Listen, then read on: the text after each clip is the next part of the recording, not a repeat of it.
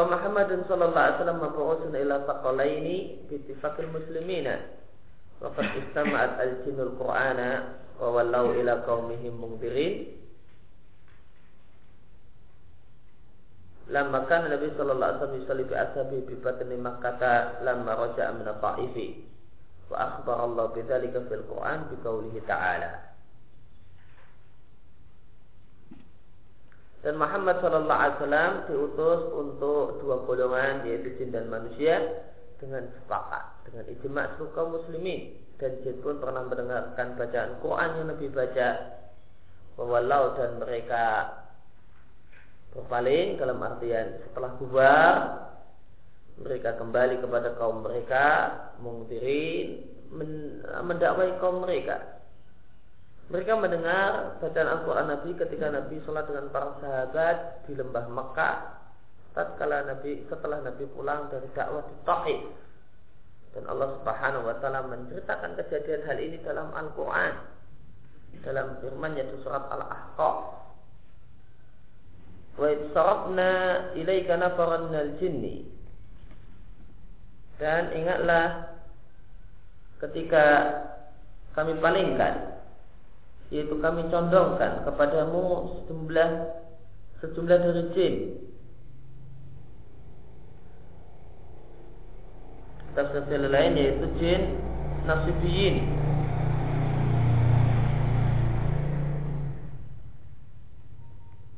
Yang tinggalnya di Yaman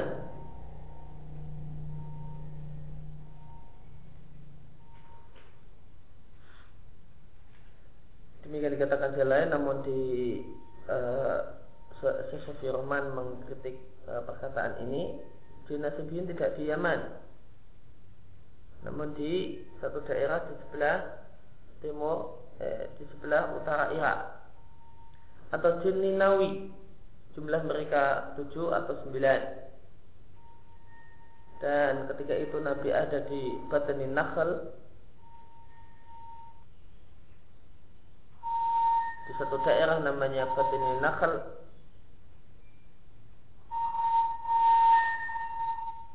demikian dikatakan di tafsir lain namun Syekh Rahman mengatakan yang benar di Batni Nakhlah. Bagaimana kata oh, kalau Syekhul Islam mengatakan di Batni Mekah. Ketika sedang sholat subuh bersama para sahabat demikian dikatakan oleh Bukhari dan Muslim yastami'un al-Qur'ana mereka mendengarkan Al-Qur'an.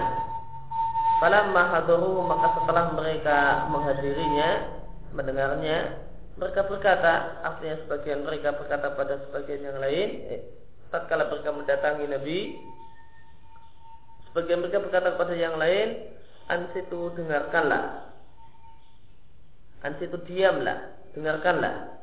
Para dia maka setelah selesai Nabi setelah selesai membaca setelah selesai membaca walau walau mananya roja'u mereka kembali ke kaumnya mengdirin mendakwai kaumnya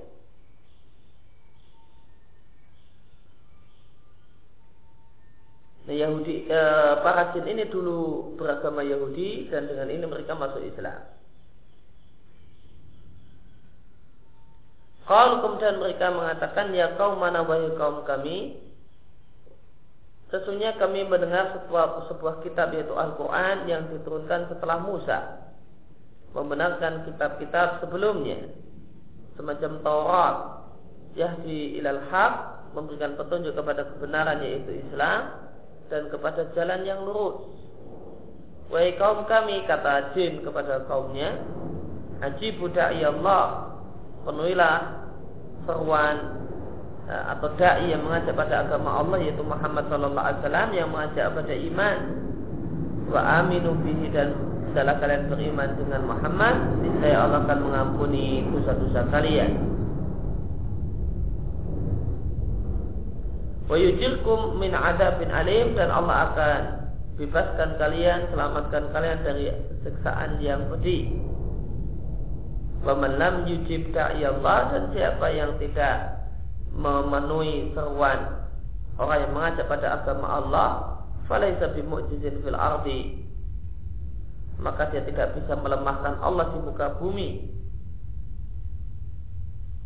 Maka maknanya dia tidak bisa melemahkan Allah di muka bumi dengan kabur dan lari dari Allah. Maka tidak bisa dia lari untuk bebas sehingga bisa bebas dari siksa Allah bukan Allah tidak bisa menyiksanya Walai sudah tidak ada baginya bagi orang yang tidak mau beriman dengan Muhammad Sallallahu Alaihi Wasallam mintunihi aulia tidaklah memiliki aulia yaitu ansar para penolong ya selain Allah Subhanahu Wa Taala yang bisa membelanya dari azab Allah Subhanahu Wa Taala. Ulaika mereka mereka yang tidak mau beriman fi dhalalim mubin dalam kesesatan yang nyata. Ini dakwah jin kepada kaumnya.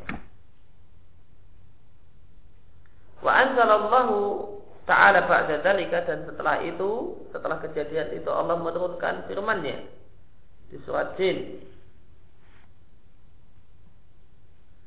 Kul katakanlah wahai Muhammad kepada seluruh manusia, oh ya ilayya aku telah diberi wahyu dari Allah Subhanahu wa taala Ana ustama'a nafarun minal jinni. Sesungguhnya ada sejumlah jin yang mendengarkan bacaan Al-Qur'anku yaitu jin nasibiyin yang terjadi pada saat salat subuh di Batin Nakhla sebuah tempat antara Mekah dan Taif mereka yang Allah sebutkan di surat Al-Ahqaf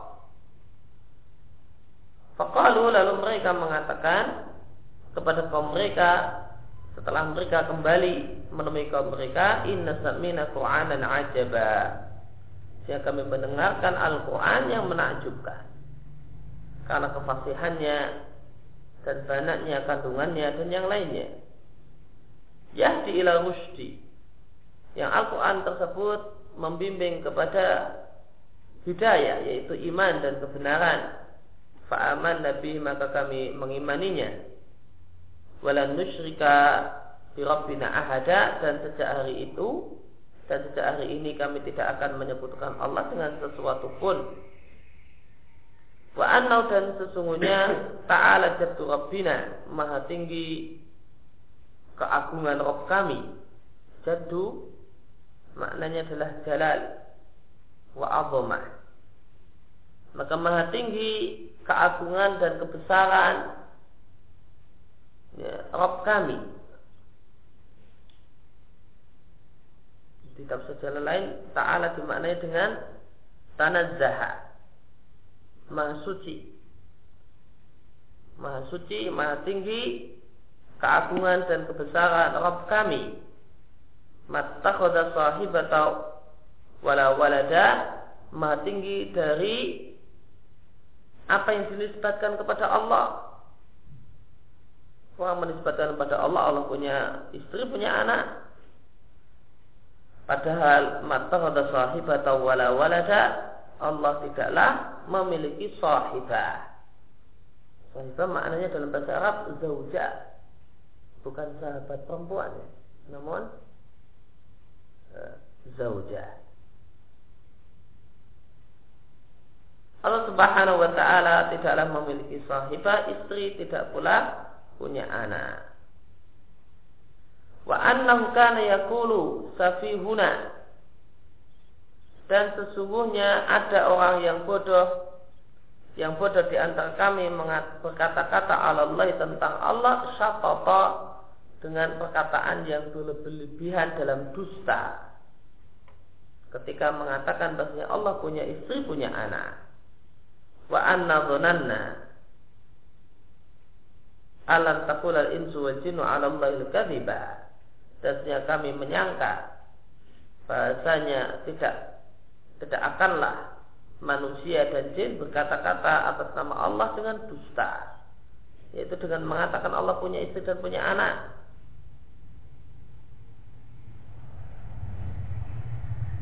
Kenapa kami menyangka demikian? Tidak akan ada yang berkata karena jika kami punya sangka demikian karena jika ada orang yang mengatakan semacam itu maka sangat jelaslah kedustaan mereka. Wa annau kana rijalun minal insi dan sesungguhnya ada sejumlah laki-laki dari manusia yauduna yauduna namanya istaiduna meminta perlindungan dengan sejumlah laki-laki dari jin fazaduhum rahaqa maka dengan manusia itu memohon perlindungan kepada jin maka bertambahlah jin tersebut rahaqa kita berjalan lain maknanya tuhyanan melampaui batas. Ya, telah pernah kita singgung adanya khilaf ulama tentang makna rohaka berkaitan dengan e, zaduhum. Itu wawunya ke mana dan humnya ke mana? Nanti ada penjelasan dari Syekhul Islam di sini.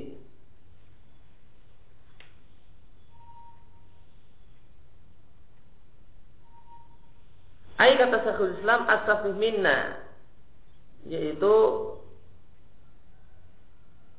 minta perlindungan dari gangguan orang-orang yang usil yang bodoh dari kami. Di azhari kaulail ulama. Demikian pendapat ulama yang paling kuat yang terkuat dari dua pendapat ulama. Wa qala ghayru wahidin min as-salafi kana rajulun min al-insi idza nazala fil wadi qala a'udzu bi 'azimi hadzal wadi min syarri sufaha'i qaumihi.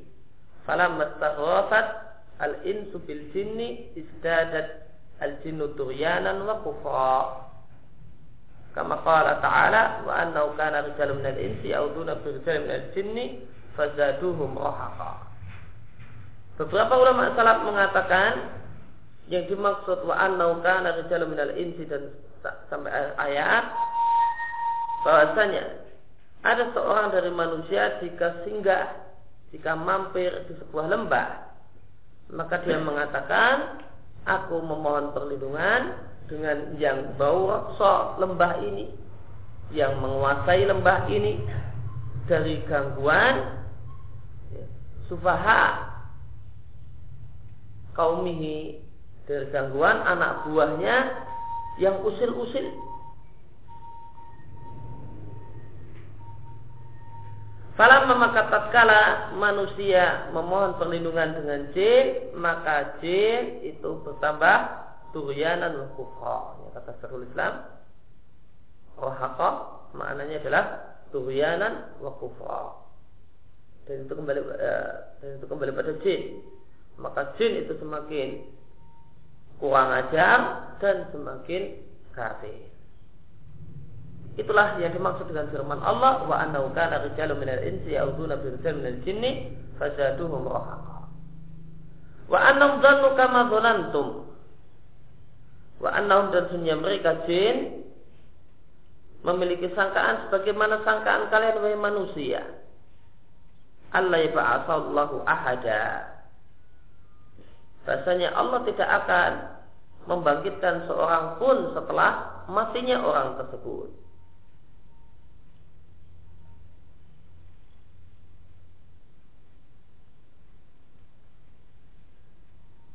E, kemudian jin mengatakan wa anna lamasna sama'a dan sesungguhnya kami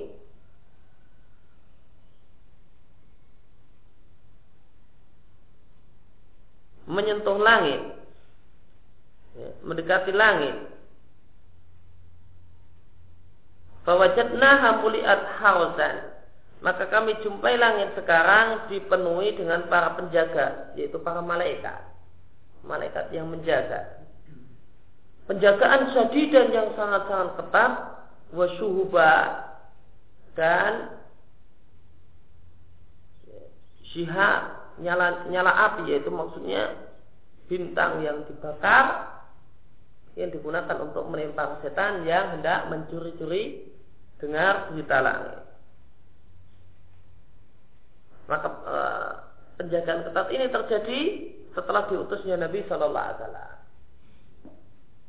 Wa anakun padahal dulu itu sebelum Nabi diutus nakaudu minha maqaida sama kami bisa duduk-duduk ya, memasang posisi di di langit satu tempat untuk mendengarkan Faman yastamil ana yajid lahu syihaba rasoda.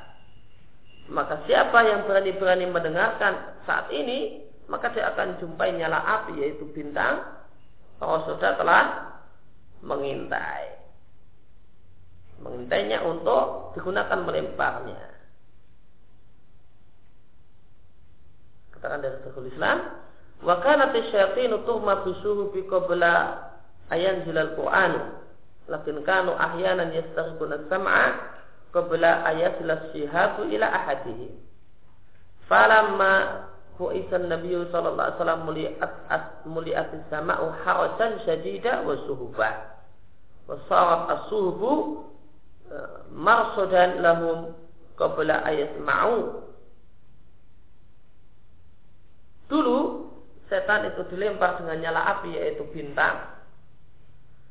Sebelum turunnya Al-Quran dulu mereka ya sudah dilempari bintang akan tetapi penjagaannya tidak begitu ketat sehingga terkadang mereka bisa berhasil mencuri-curi dengar sebelum nyala api tersebut bintang tersebut mengenai salah satu mereka akan tapi ketika Nabi Shallallahu Alaihi Wasallam diutus maka langit dipenuhi dengan penjagaan ketat Jalan lain maksudnya apa?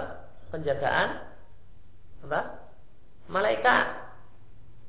Wasyuhuba dan bintang-bintang. Dan jadilah bintang-bintang itu disiapkan untuk mengintai mereka sebelum mereka bisa mendengar. Itulah yang dimaksud dengan firman Allah wa inna kunna naqa'udu minha maqa'ida lis-sama'.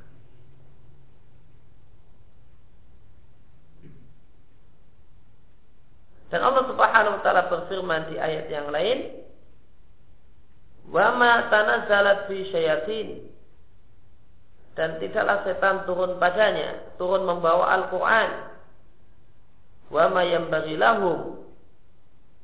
Karena tidaklah itu pantas bagi setan. Wa ma yastati'un dan setan pun tidak mampu. Innahum anis sam'i lama'zulun sesungguhnya mereka itu dijauhkan. Ma'zul. Dijauhkan dari bisa mendengar berita langit. Kemudian Allah Subhanahu wa taala berfirman, "Wa inna la nadri." Jin mengatakan dan kami tidak tahu asyarun urida biman fil ardi.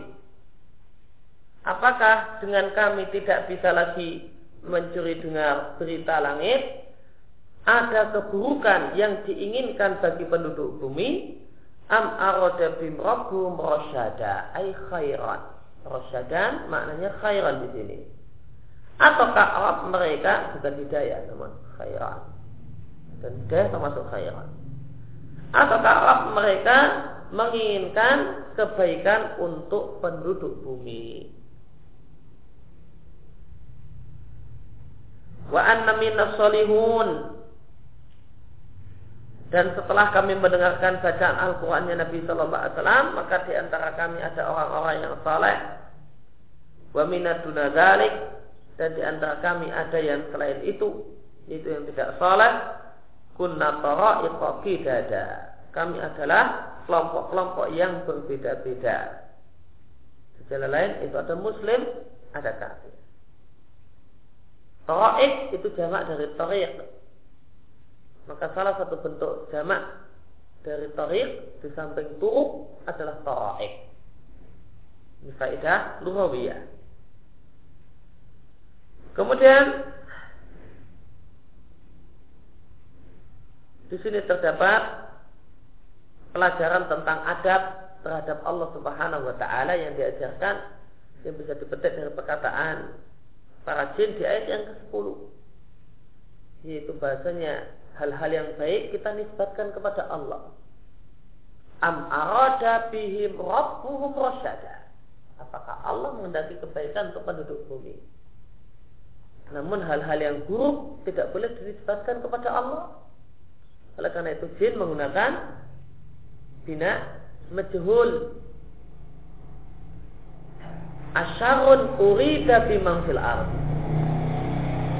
Dia tidak mengatakan apakah Allah menginginkan keburukan untuk penduduk bumi? Tidak.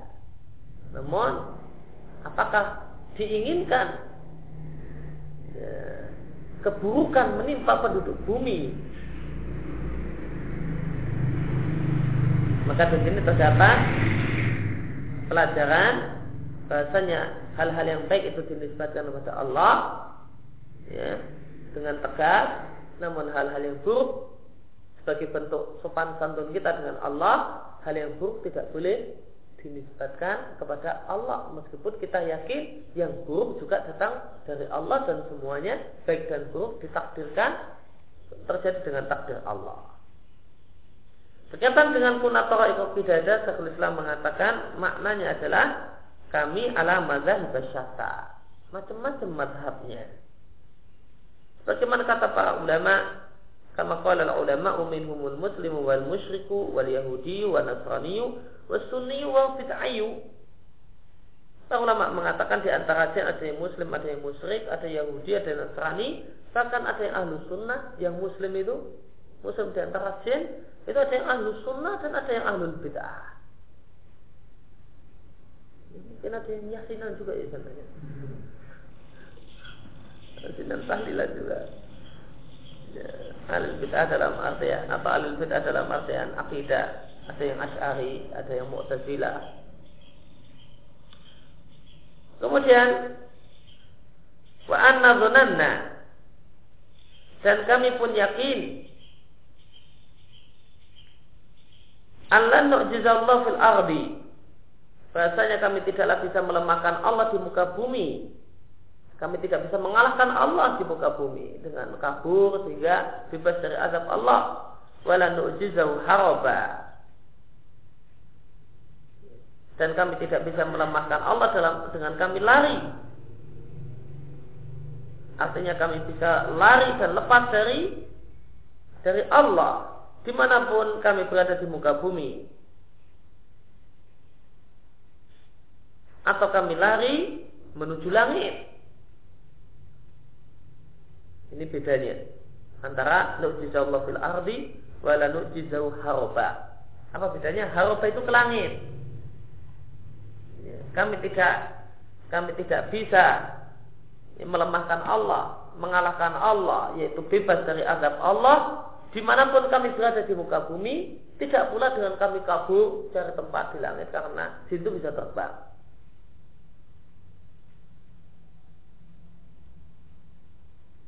Wa anna lamma sami'nal huda dan sebenarnya kami ketika kami mendengar petunjuk yaitu Al-Quran aman nabihi kami beriman dengannya. Faman yu'min bi rabbihi maka siapa yang tidak beriman dengan Rabbnya fala yakhafu. Maka siapa yang beriman dengan Robnya maka dia tidak akan merasa takut bangsan dikurangi yaitu dikurangi pahalanya. Wala rohaka tidak pula rohaka rohaka di sini maknanya dizalimi Allah yaitu dengan ditambahi keburukannya. Kalau baksan itu berkaitan dengan pahala rohakon berkaitan dengan dosa.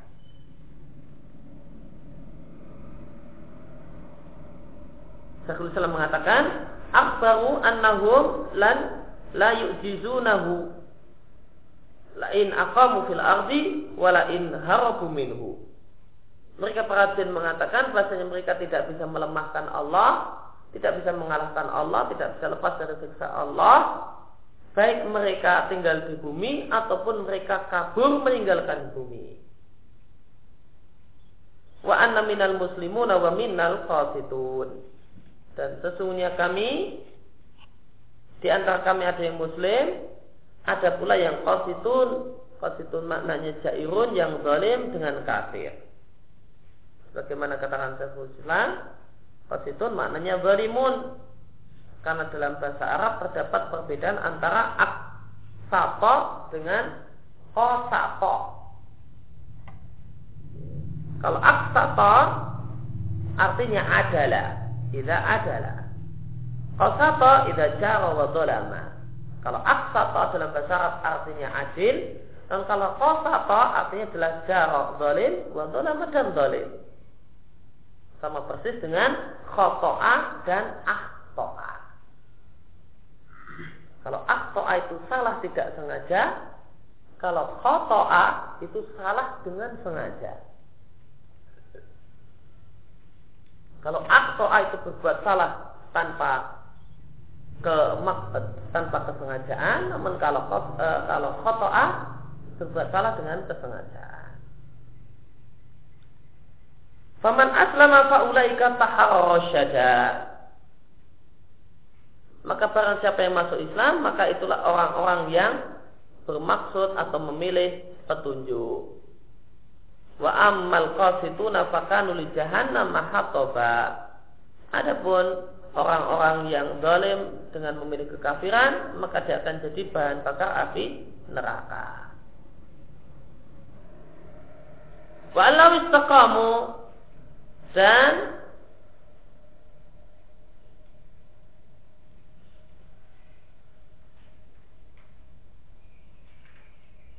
wa'a itu maknanya adalah wa annahum. Jadi nunnya hilang. Ini ini firman Allah untuk orang kafir Mekah. Wa'a itu maknanya adalah wa annahum. Namun non sama humnya dibuang. Menarik ya. Eh, ada pembuangan non sama hum. Nonnya inna sama isim inna. Sehingga wa'a tinggal wa'a padahal aslinya wa'anna. Dan aslinya wa'annahum. Dan sesungguhnya mereka lawis takamu seandainya mereka itu mau istiqomah di atas jalan yaitu jalan Islam la asfainahum niscaya akan kami berikan kepada mereka ma'an ghadaqa air yang banyak dari langit. Hujan yang banyak dari langit. Demikian Allah katakan setelah penduduk Mekah itu tidak mengalami hujan selama tujuh tahun.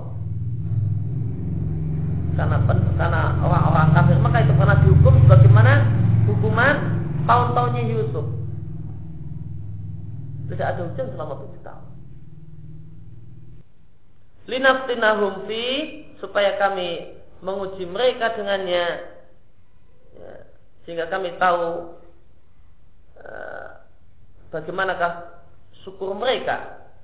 Wa man yurid an rabbi dan siapa yang berpaling dari peringatan yang datang dari Rabbnya itu Al-Qur'an, naslukhu.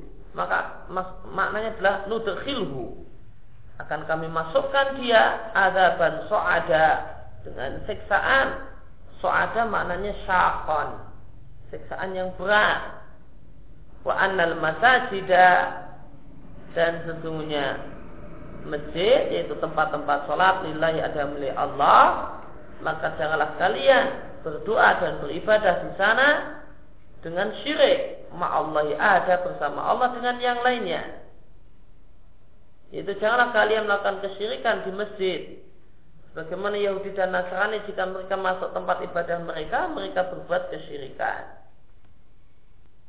Doa dalam ayat ini, kata Sofi Rohman di taklik beliau, adalah doa masalah dan doa ibadah sekaligus. Itu maksud dengan doa dalam ayat ini, kata Sofi Rohman di takliknya untuk tafsir jalan lain, adalah doa masalah dan doa ibadah sekaligus. Wa anna lamma qama Abdullah wa anna dan sesungguhnya lamma qama tatkala berdiri seorang hamba Allah yaitu Muhammad sallallahu alaihi wasallam yada'uhu yang berdoa kepada Allah di batani nakhlah ya, yang tadi salat subuh didengarkan jin Kadu maka mereka mereka di sini jin. Kadu hampir-hampirlah mereka yaitu para jin yang mendengarkannya. Yakununa alaihi libada. Jadilah mereka libada. Di sini diartikan sebagian mereka bertumpuk-tumpuk dengan sebagian yang lain berdesak-desaan sebagaimana libat karena antusias untuk mendengarkan Al-Quran.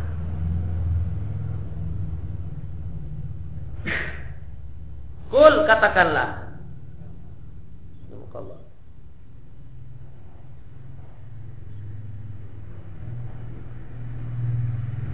Inna ma'ada Rabbi.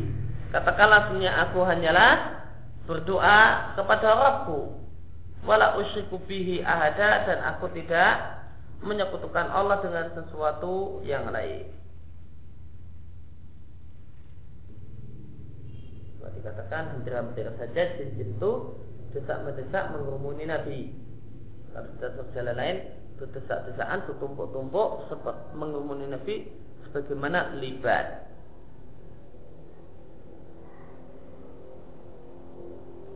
Kul inilah amriku lakum dara.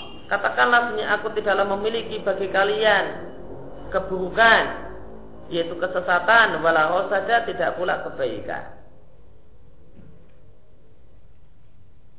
Kul ini la yujirani minallahi ahadun. Katakanlah sebenarnya tidak ada yang bisa melindungiku dari siksa Allah jika aku durhaka. Seorang pun, tidak ada seorang pun yang bisa melindungiku. Walan ajida min duni dan aku tidak akan menemukan uh, dari selain Allah multahada tempat berlindung. Kata Syekhul Islam multahada malja'an wa ma'adan, tempat berlindung dan tempat berlindung. Illa balaron kecuali aku sekedar menyampaikan. Aku tidak punya kemampuan terhadap kalian kecuali cuma berdakwah, mendakwai kalian. Menyampaikan kepada kalian minallahi apa yang berasal dari Allah? Wa risalatihi dan risalah Allah.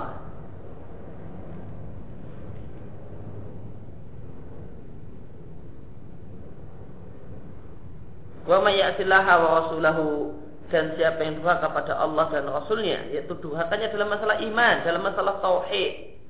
Bukan durhaka dalam artian maksiat sehingga dia tidak beriman maka yang dimaksud durhaka di sini tidak beriman. Fa innalahu jahannam. Maka untuknya neraka jahanam khalidina fiha abada. Yang mereka kekal di dalamnya.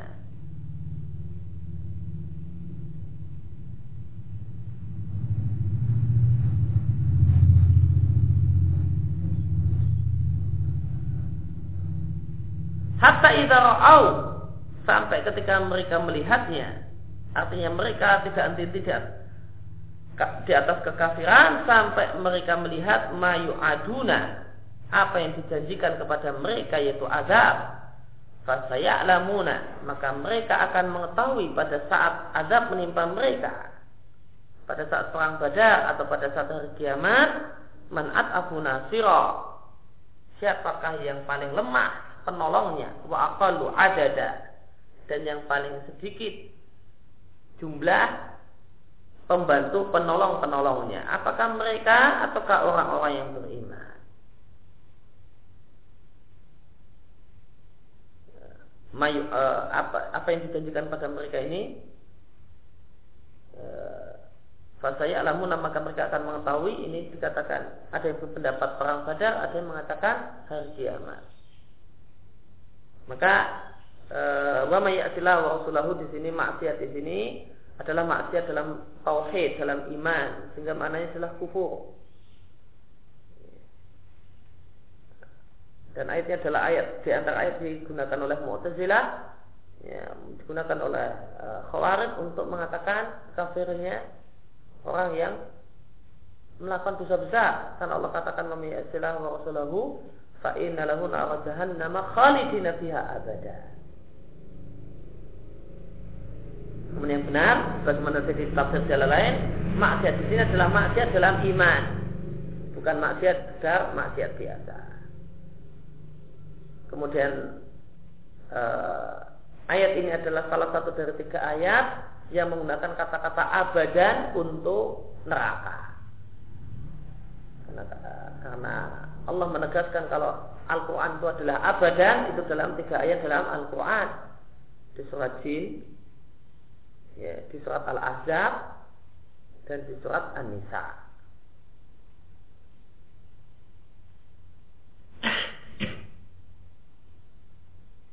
Sumalamma sami'atil jinnul Qur'ana atau ila Nabi sallallahu alaihi wasallam wa amanu bihi fabaya'uhu wa hum min jinni nasibiyin kama sabata dzalika fi sahihi min hadis Ibnu Mas'ud wa ruya annahu qara'a alaihim surat al-rahman. Wa kana idza qala fa fi ayyi ala'i rabbikum matukadziban qalu wala fi syai'in min ala'ika rabbana. Nukadzibu. Falakal hamdu. Kemudian tatkala para jin mendengarkan Al-Quran mereka datang kepada Nabi Shallallahu Alaihi Wasallam beriman pada Nabi dan berbaiat masuk Islam pada Nabi.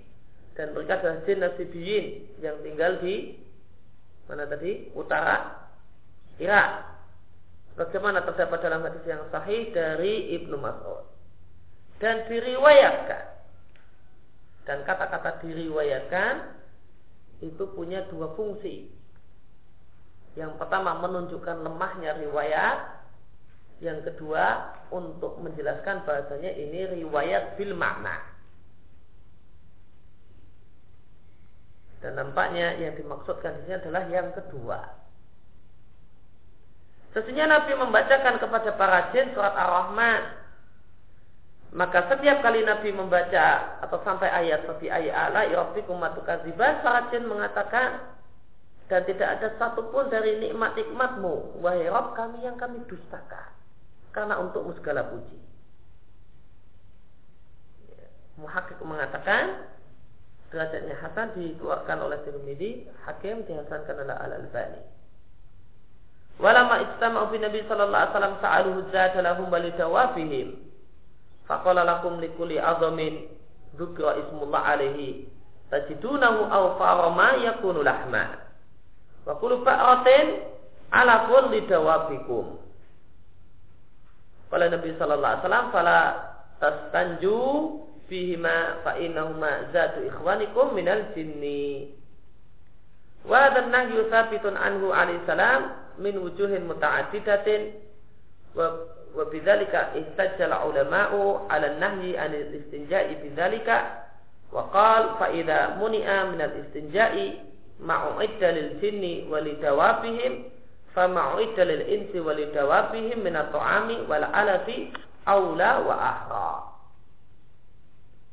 Dan ketika mereka berkumpul dengan Nabi, mereka jin-jin yang sudah masuk Islam meminta kepada Nabi bekal untuk mereka dan untuk hewan tunggangan mereka. Jadi jin itu juga punya hewan tunggangan, punya kuda, sejenis kuda, sejenis yang lainnya, ya. Maka Nabi mengatakan maka setiap tulang yang ketika disembelih disebutkan nama Allah padanya, tajidunahu maka akan kalian jumpai begitu banyak daging di sana.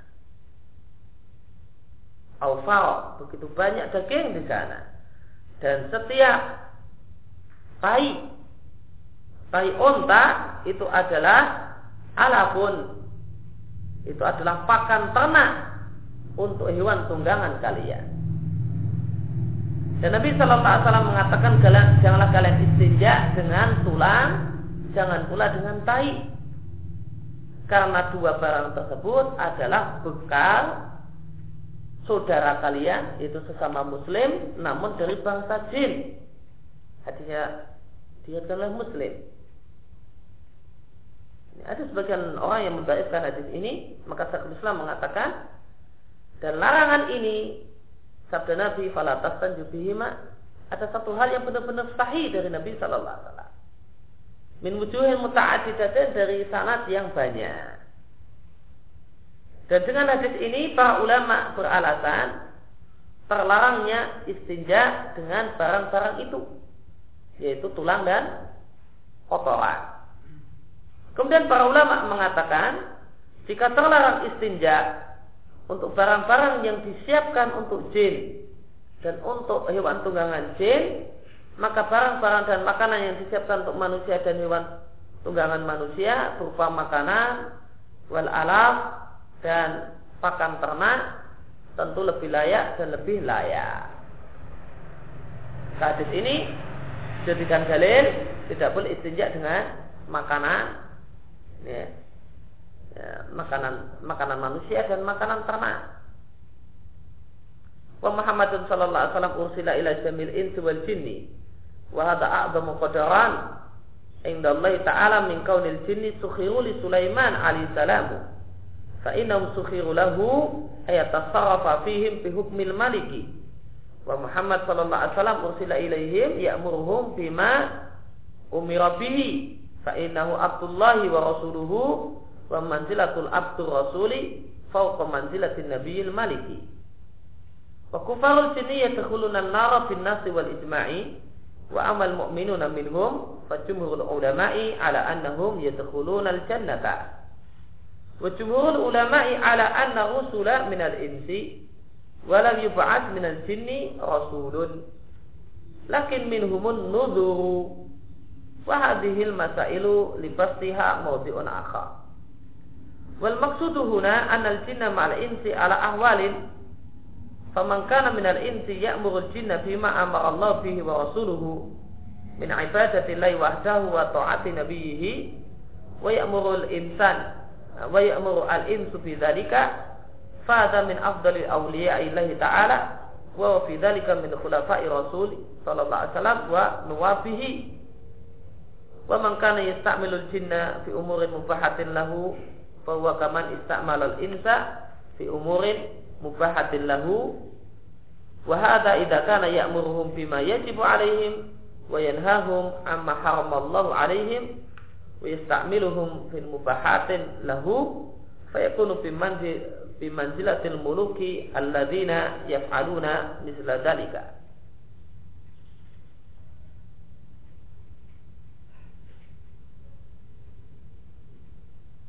Dan Muhammad, uh, Muhammad Sallallahu Alaihi Wasallam diutus untuk semua manusia dan jin. Dan ini adalah satu derajat yang lebih agung di sisi Allah daripada sekedar jin itu ditundukkan kepada Sulaiman. Berdakwah kepada jin itu lebih mulia daripada menguasai jin. Karena para jin ini ditundukkan kepada Sulaiman sehingga Sulaiman bisa mengatur jin dengan statusnya sebagai seorang raja. Sedangkan Muhammad SAW diutus untuk mendawai jin, memerintahkan pada jin apa yang diperintahkan,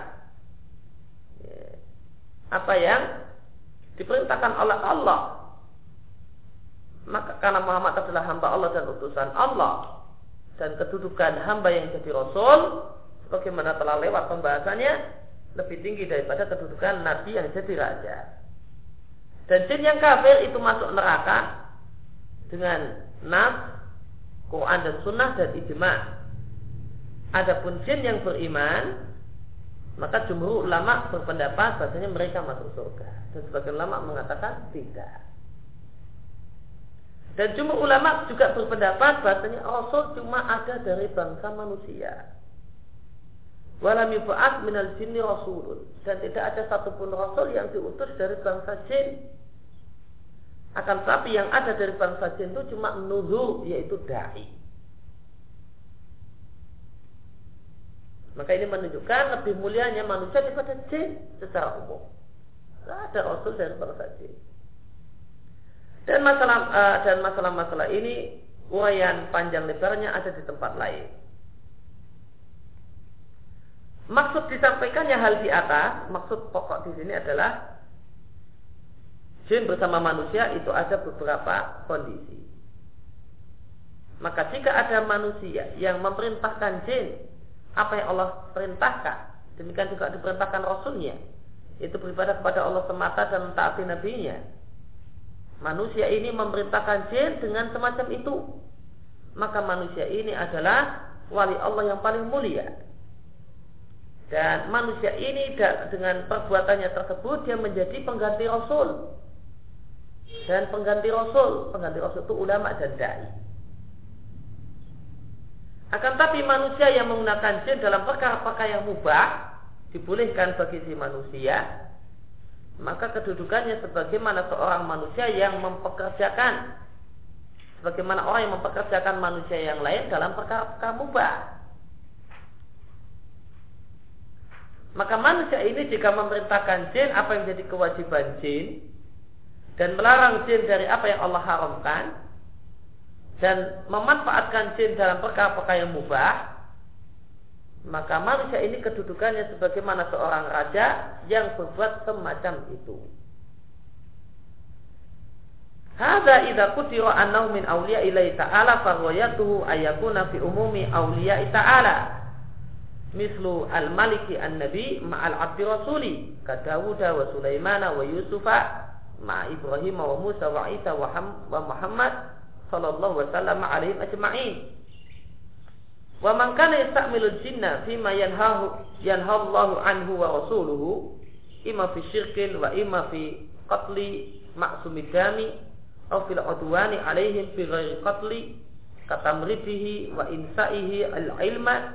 udwani alaihim fi ghairi qatli katamridihi wa insaihi al ilma wa ghairi dzalika min dhulmihi wa imma fi fahishatin kajaldi man yatlubul fahishata fahada qad ista'ana bihim ala al ismi wal udwani thumma inna man ista'ana bihim min al ala al kufri fa huwa kafirun wa in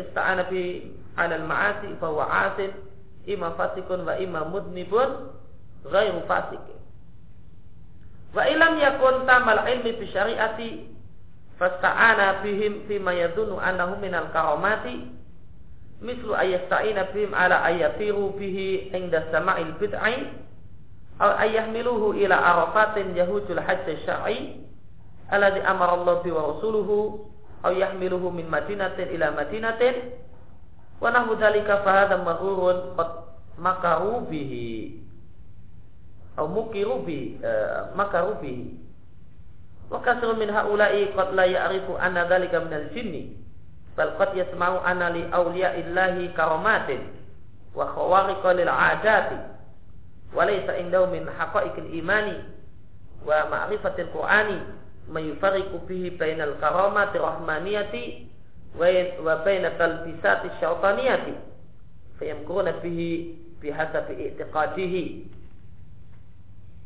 فإن كان مشركا يعبد الكواكب أو الأوثان أوهموه أنه أينتفئ بتلك العبادة ويكون قصده الاستشفاع والتواصل بمن صور آه،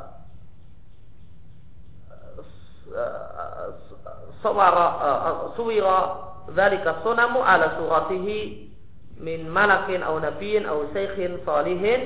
Fayadhunnu annahu ya'budu dzalikal malaka aw nabiyya aw saliha wa takunu ibadatu fil haqiqati lisyaitani.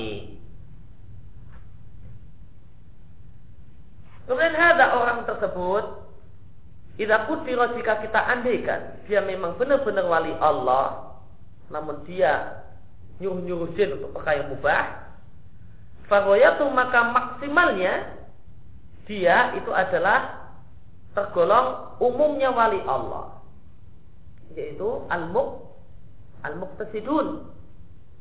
Sebagaimana raja yang nabi yang jadi raja dibandingkan rasul yang hamba.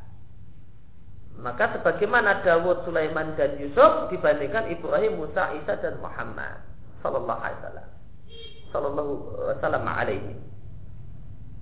Sedangkan jika orang itu mempekerjakan jin untuk perkara yang dilarang oleh Allah dan Rasulnya, semisal untuk melakukan kesyirikan, atau untuk membunuh orang yang terjaga darahnya, atau untuk menyakiti orang lain, namun tidak sampai derajat membunuh, semacam menyakiti, membuat sakit orang lain, atau membuat orang lain lupa dengan ilmu yang diketahui atau kezaliman-kezaliman yang lain atau bahkan memanfaatkan mempekerjakan jin untuk melakukan perbuatan keji.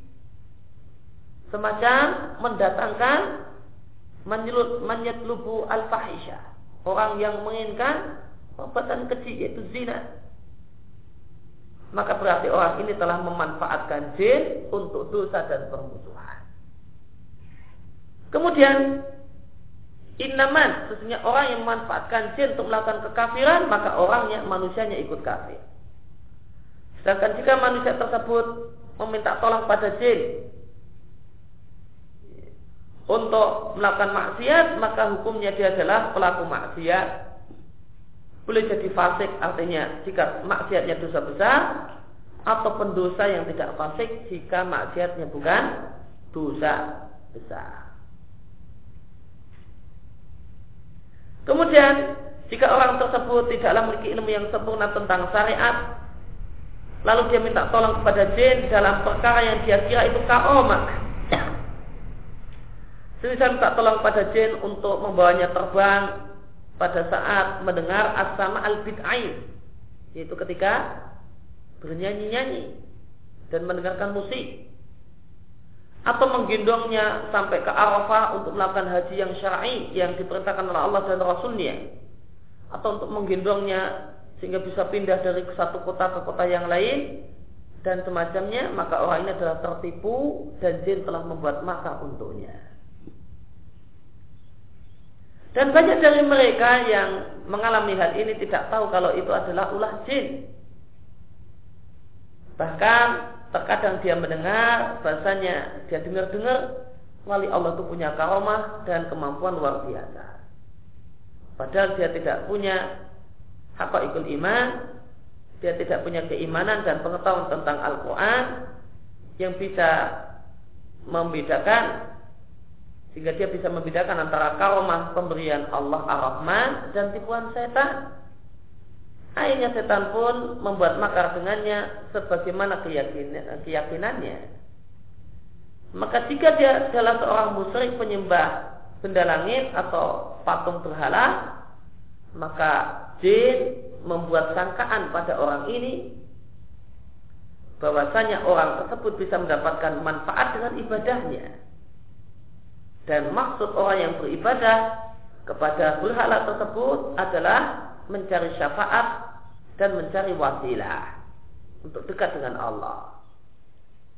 Di mana dengan makhluk yang patung tersebut dibuat dengan wujudnya. Boleh jadi ada yang patung dibuat sebagai simbolisasi malaikat, ada patung yang dibuat sebagai simbolisasi nabi atau orang saleh. Lalu jin itu membuat orang ini punya sangkaan bahasanya dia menyembah malaikat, nabi dan orang saleh. Padahal sebenarnya dia beribadah kepada setan. Bagaimana firman Allah Subhanahu wa taala? Dan pada hari Allah mengumpulkan mereka semua Allah berkata pada para malaikat apakah mereka menyembah kalian? Maka para malaikat mengatakan Masuci engkau engkau adalah penolong kami. Bukan mereka bahkan mereka menyembah jin yaitu menyembah setan. Mayoritas mereka beriman dengan setan. Maka ya, maka maka jin dan setan adalah datang kepada pikiran orang dan mengajari mereka ya kamu itu akan dapat manfaat dengan nyembah patung.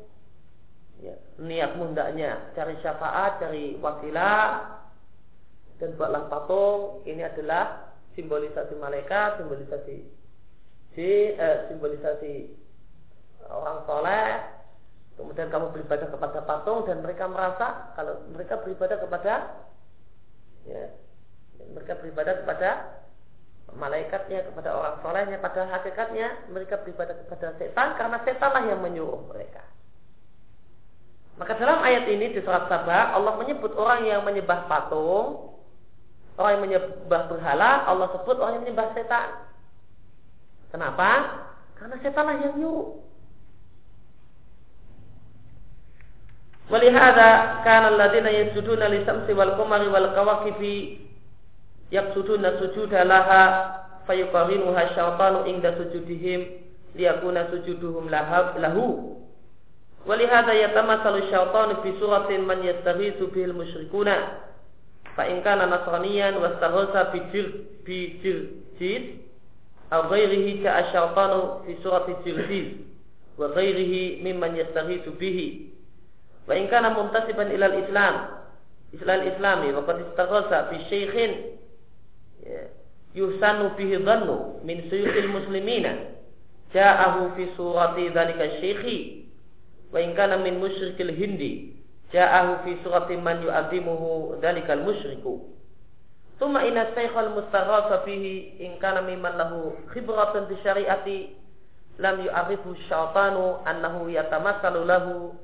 bi asabi al-mustaghithina bihi. Wa in kana syekhu mimman la khibrata lahu bi ahwalihim.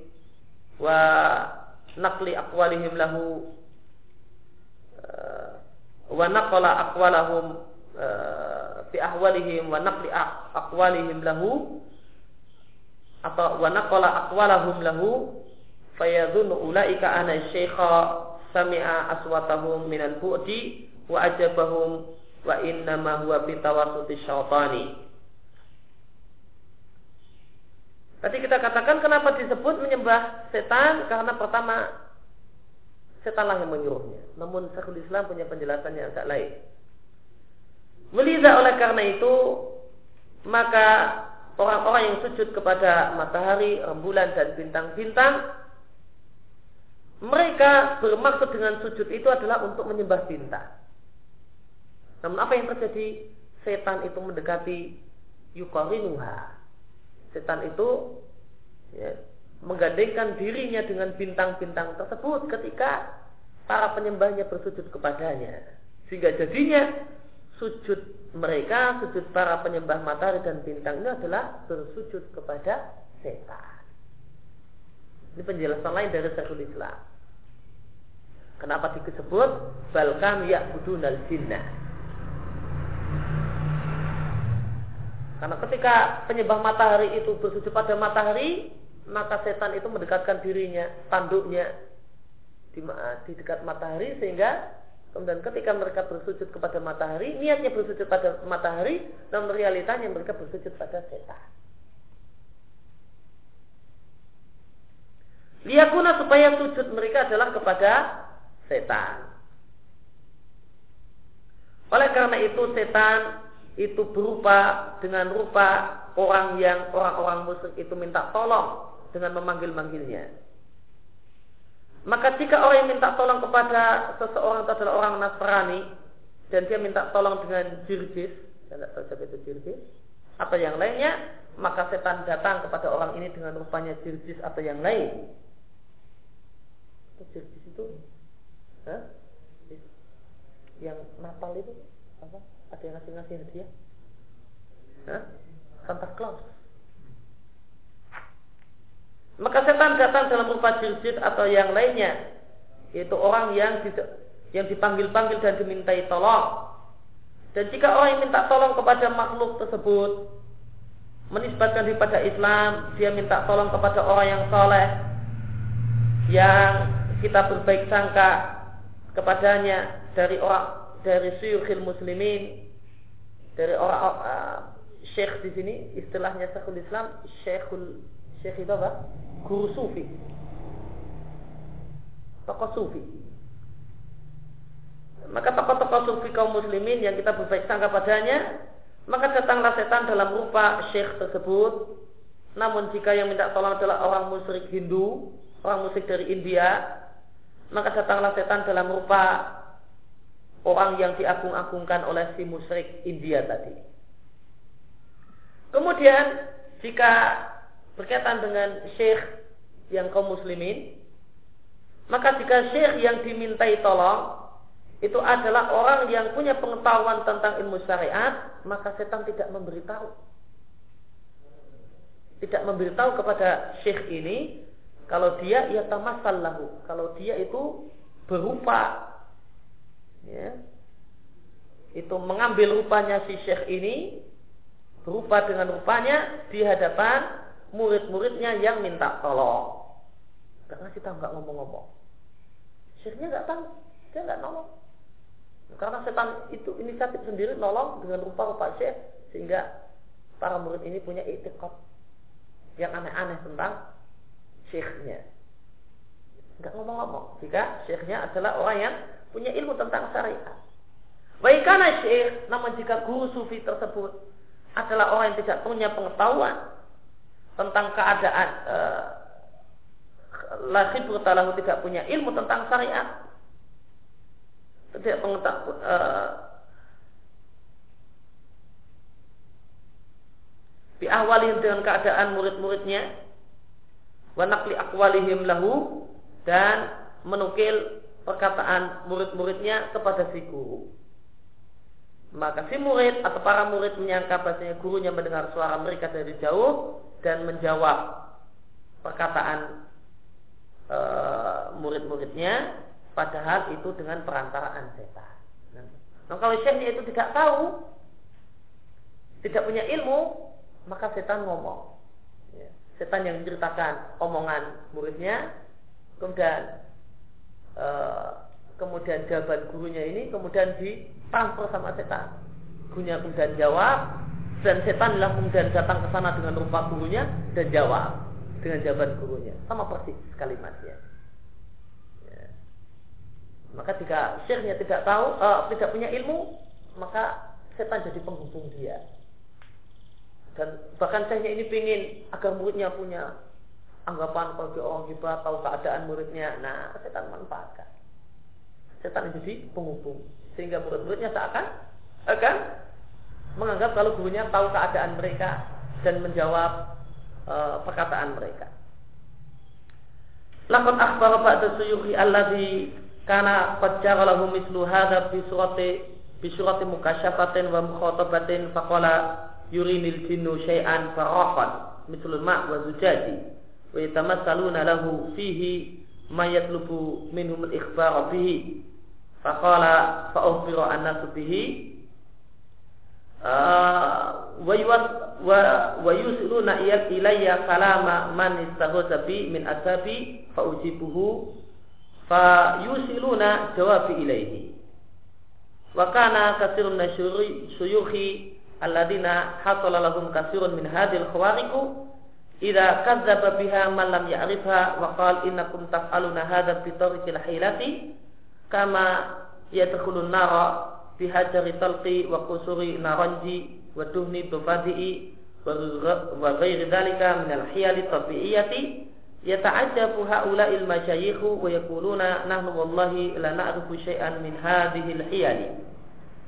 ولما ذكر لهم الخبير إنكم لصادقون في ذلك walakin hadhihi ahwalu ahwalun syaitaniyatun aqarru bi dhalika wa taba minhum man taballa alaihim lamma tabayyana lahumul haqqu wa tabayyana lahum uh, min wujuhin katsiratin annaha syaitaniyatun wa ra'au annaha min asyayatini lamma ra'a annaha tahsulu bi mislil bid'il madmumati fi syar'i wa indal ma'asi lillahi wa li rasulihi wa la tahsulu indama yuhibbuhu Allah wa rasuluhu min al-ibadati syar'iyyati fa'alimu hina idzin annaha min khawariqi syaitani li awliyaihi la min karamati rahmani li awliyaihi Wallahu ta'ala a'lam wa ahkam. Dan sebagian syekh yaitu guru sufi bercerita sebagian guru-guru sufi yang pacara telah mengalami jaralahum mereka mengalami semisal ini dengan bentuk ya, mukasyafah dan mukhotabah ya, itu dinilai sebagai kasyaf dan dinilai bisa ngomong jarak jauh dia mengatakan sendiri, ngaku sendiri kalau jin menampakkan kepadanya sesuatu yang mengkilat semacam air atau kaca. Kemudian yatamatsaluna lahu fihi maka kemudian jin itu menampakkan diri kepadanya di kaca tersebut Maiblabu minul Apa yang dia inginkan untuk diceritakan oleh si jin. Maka si Sir ingin lihat muridnya sedang apa. Maka nanti jin menampakkan diri. Ini muridnya lagi jalan. Nanti kemudian syekhnya lihat di kaca. Oh muridnya pada jalan. Yang jalan itu setan. Yang nyata masak. Bukan dia lihat muridnya di kejauhan lagi jalan-jalan. Oh, ini lagi jalan. Itu setan yang lagi jalan-jalan. Kalau kemudian dia si Syekh tadi juga mengatakan fa'ubira anna subihi maka banyak orang pun uh, diberitahukan tentang hal ini. Kemudian, oh saya bisa lihat orang dari jarak jauh lihat air. Dan bisa lihat sebulan lagi ngapa. Wa yusiluna ilayya. Dan setan dan jin itu menyampaikan kepadaku ucapan orang-orang yang minta tolong denganku dari murid-muridku. Lalu aku memberikan respon. Dan setan itu juga yang menyampaikan jawabanku kepada murid-muridku Wakala kafir minasyuyuk dan banyak dari orang-orang sufi yang hasolalahum mereka mengalami berbagai kejadian-kejadian luar biasa tersebut jika didustakan oleh orang yang tidak mengetahuinya, tidak mengetahui kalau itu bantuan setan dengan mengatakan, "Oh, kamu melakukan hal ini, ini omongan orang yang nggak tahu." Kalau kemampuan luar biasa ini bantuan setan. Kamu melakukan hal ini dengan cara tipu daya. Sebagaimana orang itu bisa masuk ke dalam api dan tidak terbakar dengan cara me, melumuri dirinya dengan batu talak, kemudian kulit naronji, ditambah dengan minyak kodok dan yang lainnya yang merupakan tipu daya dengan iya dengan alami. Eh? Topi, bukan tipu daya sihir, namun tipu daya apa? Nah, dengan trik-trik, ya, dengan trik, bukan tipu daya sihir. Ini ucapan orang yang tidak tahu kalau ini adalah kemampuan luar biasa yang buatan setan. Dikira wah itu kan cuma trik aja, kamu bisa masuk api itu karena gini, kamu bisa ini karena gini. Ini kayak trik-trik sulap aja, kamu bisa gini ya karena ada trik, ada caranya. Ini ucapan siapa? Orang yang tidak tahu kalau kemampuan luar biasa ini adalah bantuan setan. Ya tak ajab maka terheran-heranlah si para syekh tersebut dan mengatakan kami wallahi demi Allah tidak mengetahui satupun trik-trik semacam itu. Falamma dzakara dzalikal khabir maka ketika berkata kepada mereka orang yang tahu bahwasanya mereka punya kemampuan luar biasa karena bantuan setan ini orang yang cerdas dia mengatakan apa Sesungguhnya kamu wahai para syekh, kamu benar dalam ucapanmu kalau kamu tidak tahu trik-trik semacam itu. Akan tetapi kamu punya kemampuan luar biasa itu adalah bantuan setan. Apa yang terjadi? Maka para syekh tersebut pun mengakui hal itu. Dan bertobat di antara mereka orang-orang yang Allah beri taufik untuk bertobat ketika mereka telah tahu kebenaran dan mereka telah tahu dari banyak sisi bahasa itu adalah bantuan setan dan mereka melihat yaitu mereka yakin itu adalah berasal dari setan. Kok mereka, kok mereka bisa yakin ketika mereka melihat e, mereka yakin bahwasanya kemampuan luar biasa tersebut tahsul terjadi ketika mereka melakukan bid'ah yang tercela dalam syariat, ketika mereka melakukan maksiat pada Allah dan Rasulnya dan tidak terjadi pada saat mereka melakukan sesuatu yang dicintai oleh Allah dan Rasulnya yaitu berbagai ibadah yang syar'i. Maka pada saat itu mereka yakin bahasanya itu adalah makharij kemampuan luar biasa bantuan setan kepada kekasih-kekasihnya bukan karomah dari Allah untuk para kekasih-kekasihnya. Wallahu taala a'lam dan Allah yang lebih tahu dan Allah yang lebih maha bijaksana. Dan satu pelajaran dari apa yang kita baca tadi, pendapat Syekhul Islam tentang minta tolong dengan jin kalau Syekhul Islam minta tolong kepada jin itu tergantung jika minta tolong untuk perkara mubah eh, atau untuk perkara maksiat atau untuk perkara kekafiran tadi yang kita baca di depan tadi maka ya kalau minta tolong untuk perkara mubah ya mubah kalau untuk melakukan kemaksiatan ya berarti maksiat ya. Kalau untuk melakukan kesyirikan atau dengan melakukan kesyirikan, maka hukumnya syirik. Itu pendapat Syekhul Islam tentang minta tolong kepada jin itu tafsil. Isti'anah dengan jin, isti'anah ya, isti'anah dengan jin itu tafsil. Akan tapi pendapat yang lebih hati-hati sebagaimana dikatakan oleh Syekh Nubas, ya, e, hendaklah jalan ini ditutup karena kita tidak tahu jin ini niatnya baik atau niatnya buruk boleh jadi awalnya baik kemudian ujung-ujungnya adalah menjumuskan ke dalam kesyirikan. Kemudian Alhamdulillah wahdah wa salatu wa salawatuhu ala sayyidina Muhammadin wa alihi wa sahbihi wa salamuhu wa hasbunallahu wa ni'mal wakil. Ini perkataan Syaikhul ini menunjukkan bolehnya ucapan sayyidina di luar salat. Bolehnya ucapan sayyidina di luar salat. Di luar salat boleh mengucapkan sayyidina untuk Muhammad untuk Nabi kita Muhammad sallallahu alaihi wasallam. Beliau tutup bukunya dengan mengucapkan wassalatuhu ala sayyidina Muhammad. Demikian yang kita baca dan ini bahasa yang terakhir untuk Al-Furqan. Demikian mudah-mudahan Allah ma'alim nama yang fa'una wa fa'na bima alam tanah wa zina ilma wa sallallahu ala nabina Muhammadin wa ala alihi wa sallallahu salam baru dawana alhamdulillahi rabbil alamin subhanaka Allahumma bihamdika asyhadu an la ilaha illa anta wa atubu